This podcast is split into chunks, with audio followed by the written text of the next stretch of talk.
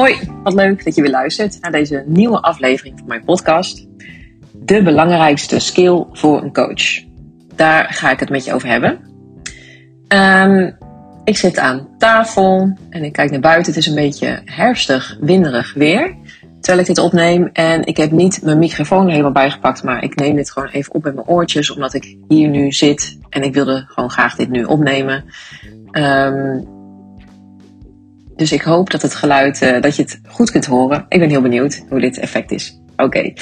Um, ik ben Willeke en ik coach ondernemende coaches of coachende ondernemers om een betere coach te worden door aan de slag te gaan met persoonlijke thema's die je regelmatig in de weg zitten tijdens je werk of tijdens het coachen. En ik geloof dat je hierdoor meer rust, vrijheid en plezier zult ervaren als mens en als coach.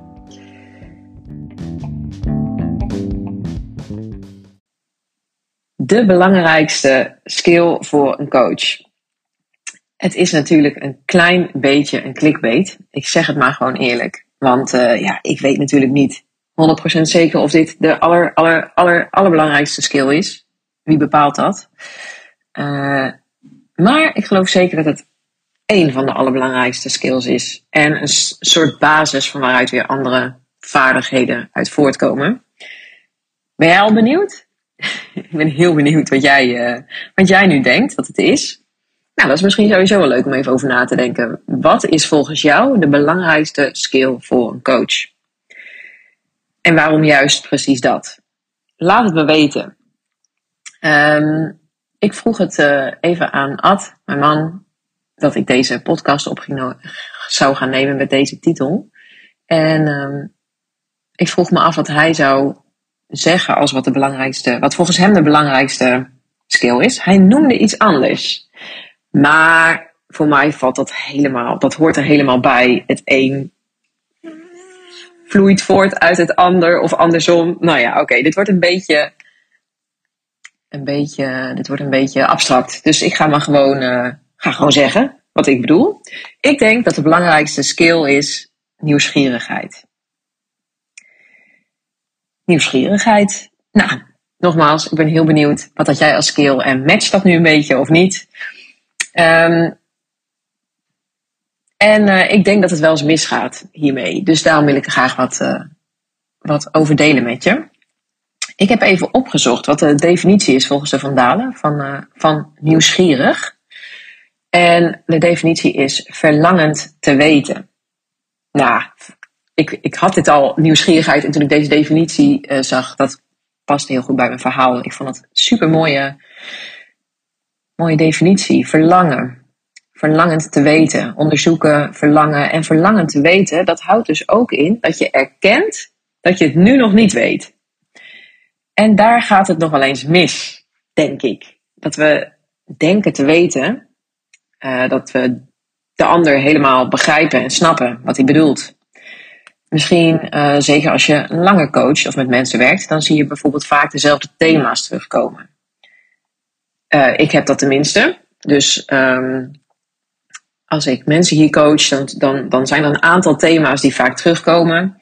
Uh, grenzen, angst voor afwijzing, leiderschap, ruimte innemen, gaan staan voor wat je vindt, helemaal jezelf kunnen zijn. Um, nou ja, er zijn een aantal thema's die terugkomen en, en um, nou, misschien je het ook wel als je veel ervaring hebt, dan, dan kun je vrij snel inschatten van hé, hey, dit is het thema bij deze persoon.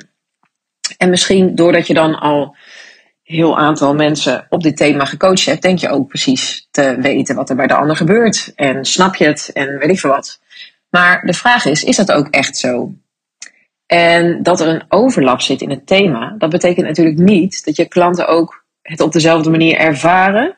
Um, en dat betekent ook niet dat ze dezelfde nou, oplossing nodig hebben of dat ze dezelfde route gaan bewandelen. Uh, want soms kan daar ook gewoon een ander verlangen of een ander behoefte onder zitten. Dus dan kan het thema um, um, nou, uh, leiderschap zijn, maar is, is de behoefte daaronder verschillend. Dus een valkuil kan zijn dat je veel ervaring hebt en denkt: Oh ja, dit ken ik al, dit heb ik al een keer gezien. Oh, ik weet al precies wat er nu nodig is, of weet ik veel wat. En nou ja, je hoort ook weten al precies wat er nu nodig is. Nou, daarmee kun je al uh, je nieuwsgierigheid wat kwijtraken. Want dan denk je, nou, ik weet het al. Terwijl we weten natuurlijk heel veel niet. En daar heb ik gelijk een tweede punt. Nou, ik denk dat het wel eens misgaat op dit stuk, op, met nieuwsgierigheid. Um, en dat is het niet weten. En niet weten, misschien vind je het heel ongemakkelijk om het niet te weten. Ook hier, als je denkt van, hé, hey, ik ben coach. Uh, en een beetje een ervaren coach zegt natuurlijk, nee, ik, ik hoef het niet te weten en ik hoef niet de antwoorden te hebben. Maar als je diep van binnen kijkt, als je echt even stilstaat bij jezelf, hoe comfortabel ben je dan met het niet weten? Met zo'n punt in een, in een traject of in een sessie dat je ook denkt, ik heb echt geen idee wat ik nu moet doen, welke kansen op moeten. Hoe is dat voor je? Vind je het moeilijk om het niet te weten? Vind je het moeilijk om te twijfelen, om te betwijfelen? Hoe comfortabel ben je daarmee? Daar ben ik benieuwd naar. Um, en ik denk dat het heel helpend is om comfortabel te zijn met het oncomfortabele. En dus ook met het niet weten.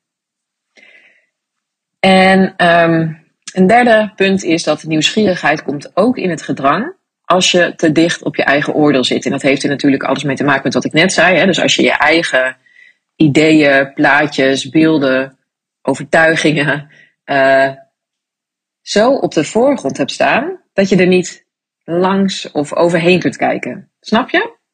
Ik heb hier wel een leuke oefening voor. Die komt uit ACT, Acceptance and Commitment Therapy. En um, hoe kan ik je nu goed meenemen in deze oefening? Ik wil je vragen, denk eens aan een, uh, een, een klant of aan een praktijksituatie waarin het wat stroef liep. Uh, nou, misschien dat je heel helder wat die ander nodig heeft. En verliep dat niet helemaal prettig. Nou, kijk even of je al, als je mij nu in, tot nu toe hebt gehoord, of er al een situatie bij je omhoog komt. En probeer dat even terug te halen, voor je te halen. En, en dan mag je, wil ik je vragen om je hand voor je ogen te doen. Ja, ik doe het nu, maar dat zie je natuurlijk niet. Dus zeg maar echt op, ehm, nou, wat zullen we zeggen, 1 centimeter, 2 centimeter van je hoofd af voor je ogen. En jouw hand staat even symbool voor jouw eigen uh, mening, um, je oordeel, je overtuigingen die je hebt in dit contact of in deze relatie of in dit gesprek of in dit proces. Net even wat voor jou nu relevant is. Um, ja, wat zie je dan? Wat gebeurt er dan? En ik ben, terwijl ik dit aan het praten ben, aan het doen. En wat ik zie is, nou, mijn hand. en ik zie zo langs de randjes een klein beetje groen van mijn muur. En ik zie uh, een stukje voor me, onder mijn hand, een stukje van de tafel. En nou, dat is het ongeveer wel. Dan wil ik je vragen om je arm uit te strekken en je hand nog hetzelfde, je hand hetzelfde te positioneren, maar je arm nu recht. Dus dat betekent dat je hand nu in mijn geval zeg maar een halve meter voor mijn ogen komt. Wat zie je nu? Wat voor een effect heeft, het, heeft dat? En hoe is dat? Um, voor mij geldt dat ik nu.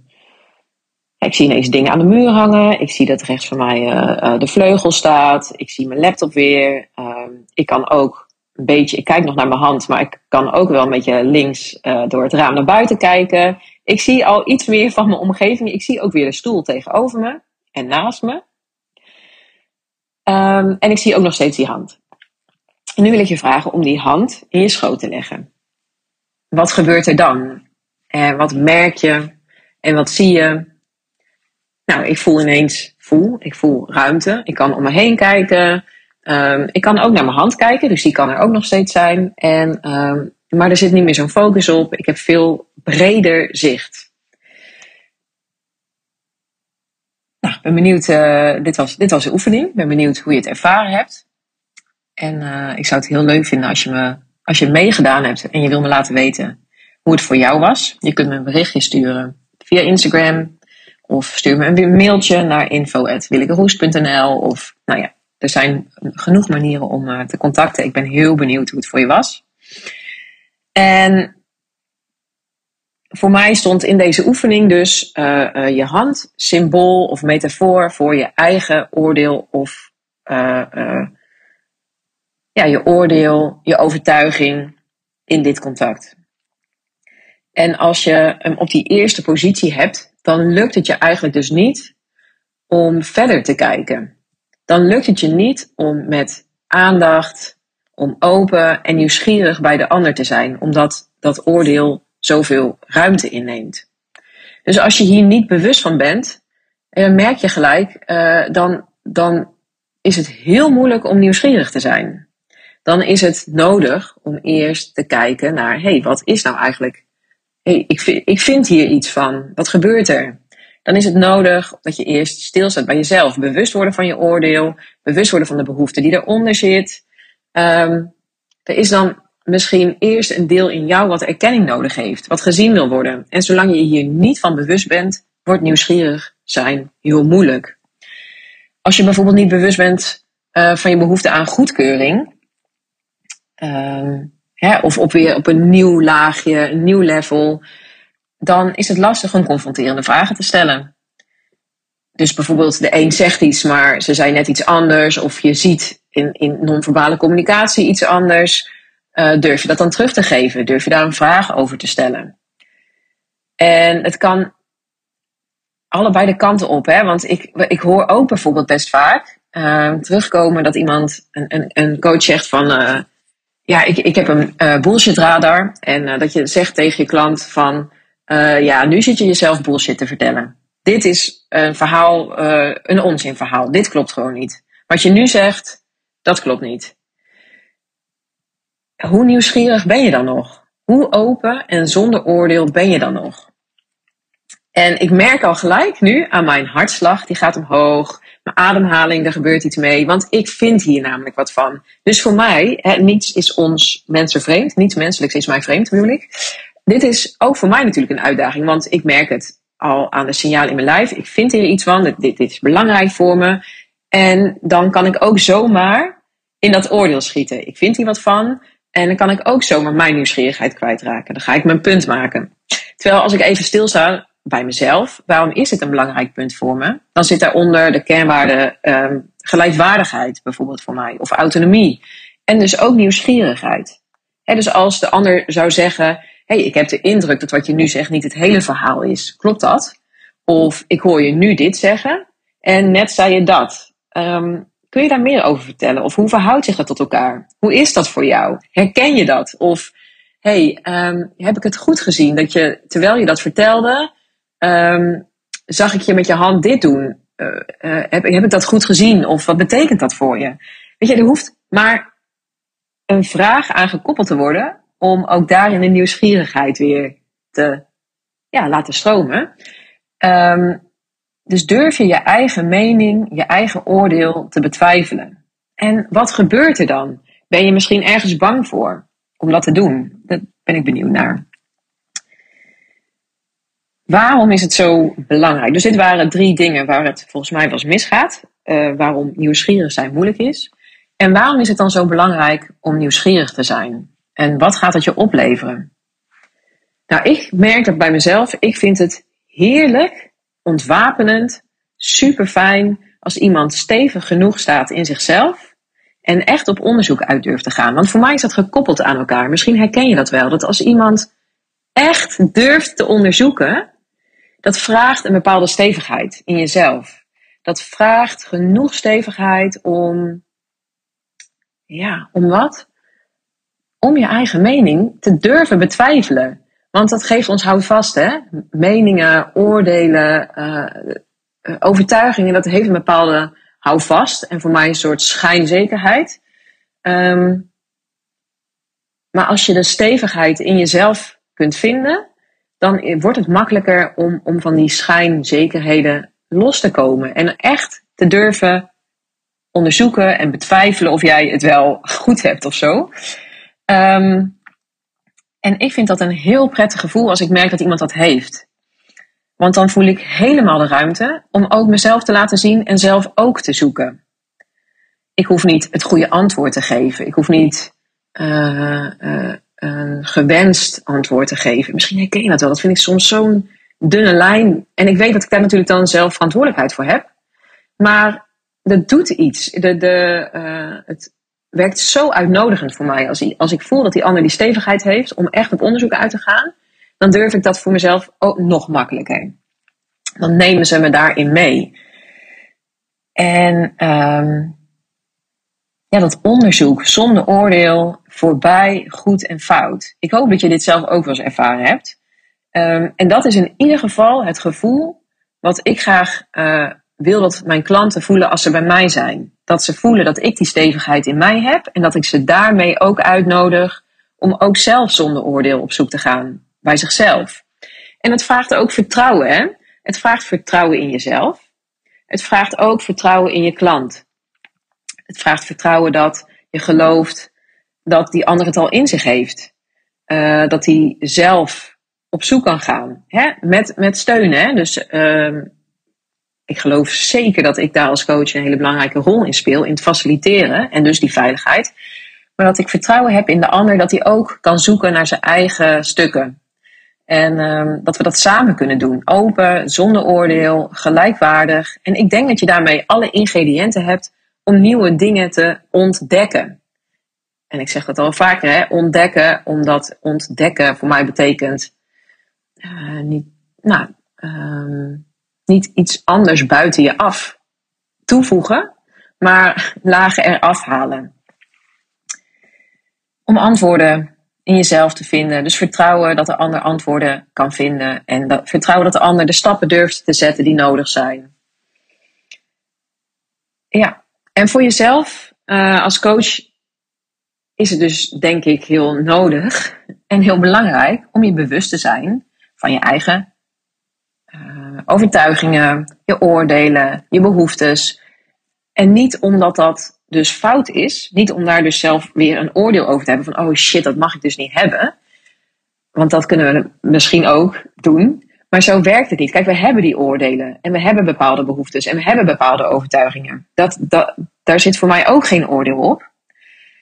Het zit er maar alleen in, ben je je er bewust van? En als je er bewust van bent, zorg dan dat je daar zorg voor kunt dragen.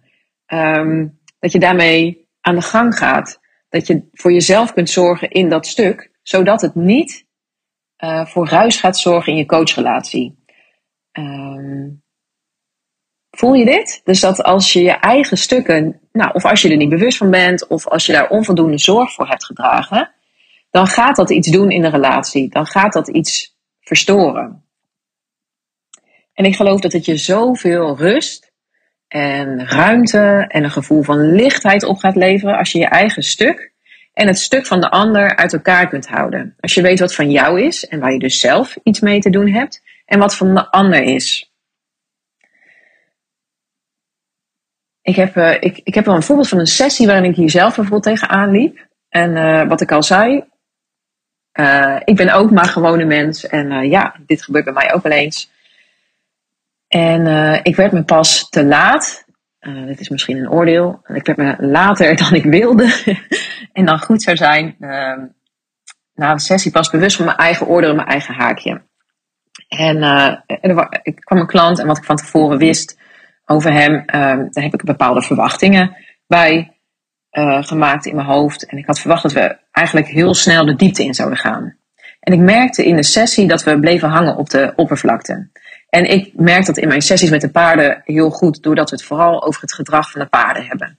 Dus ik geef als iemand komt vaak een, een activiteit om iets te doen met de paarden. En als we alleen maar op dat laagje van wat doet het paard nu, doet hij wat ik wil of niet, als we op dat laagje blijven hangen, um, nou, dan blijft het wat mij betreft wat aan de oppervlakte. En niet dan gaan we niet naar de laag dieper. En um, ja, ik had van tevoren gewoon verwacht dat we wel de diepte in zouden gaan. En ik merkte dus, um, en dat is prima op zich, hè, dat je zo'n aanname hebt en dat die dan niet helemaal klopt. Dat is geen ramp, hè? want dat is wat we doen. We maken plaatjes, we schatten situaties in. Dat is onze natuur, dat gaat automatisch. En dat is helemaal prima. Alleen, zolang ik me in dat moment niet bewust ben van, hé, hey, dit, was, dit, was dit is mijn aanname um, dan gaat er iets mis. En in deze sessie lukte me dat niet. Ik voelde het schuren en ik voelde het wringen. Ja, en als ik terugkijk, dan snap ik niet dat ik dat niet gewoon even bespreekbaar maakte. Maar in dat moment was ik dus niet bewust genoeg van mijn aanname. Dus nu kan ik het heel makkelijk terugzeggen en dan zou ik heel helder hebben van ik zou de volgende keer dat uh, benoemen wat ik zie. Uh, ik zou dat teruggeven, vragen hoe is dat voor jou. Uh, maar dit is dus juist mijn punt. Ik was me in dat moment niet bewust genoeg van mijn eigen oordeel, haakje, mijn aanname. En ik voelde het schuren, maar ik, ik kon er toen niet de vinger op leggen. En dit zijn echt niet de leukste sessies wat mij betreft. dat ik ook voel van, hé, hey, het, het, het komt niet helemaal uit. Of, het, nou ja, weet ik veel wat. Dat ik er in het moment niet echt de vinger op kan leggen. En dat je achteraf denkt, oké, ik had dit of dit kunnen bespreken. Um, nou ja, het zijn wel wat mij betreft dus niet de leuke, maar wel de, de meest leerzame. Want ik weet nu weer heel helder. Het is gelukkig inmiddels al een tijd geleden, maar dat ik heel helder heb van tevoren. Wat zijn mijn verwachtingen? Wat denk ik? En ook dat ik dus nou, daar ruimte voor maak van hé, hey, wat zijn mijn verwachtingen? Uh, hoe ga ik daarmee om? Nou ja. Um, of nog zo één zou kunnen zijn van, van um, dat je niet bewust bent van je eigen haakje is. Ik hoor dat wel eens collega's zeggen, collega-coaches zeggen.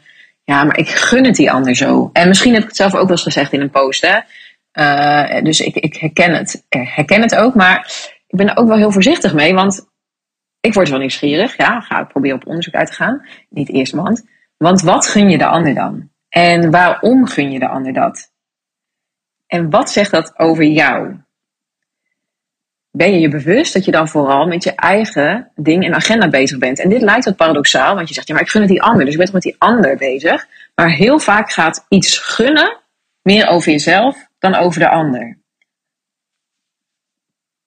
Dus um, mag die ander ook zelf ontdekken, zelf ervaren, zelf leren, uh, zelf kiezen wat hij of zij nodig heeft. Of heb jij al bedacht wat dat is? Weet jij eigenlijk al wat hij nodig heeft en hoe hij dat moet doen? Voel je um, ik ben benieuwd. Dus nu hebben we het gehad over waarom gaat het vaak mis of wat gaat er vaak mis. En waarom is het zo belangrijk volgens mij? Waarom, waarom is volgens mij nieuwsgierigheid zo belangrijk? Um, nou, en dan wil ik je graag nog wat tips. Tips? Tips wil ik je tips meegeven. hoe kun je die nieuwsgierigheid nou nog meer trainen? Want het is een vaardigheid, hè? Vaardigheden kun je leren, trainen. Dus iets waar je in kunt groeien, dat geloof ik helemaal.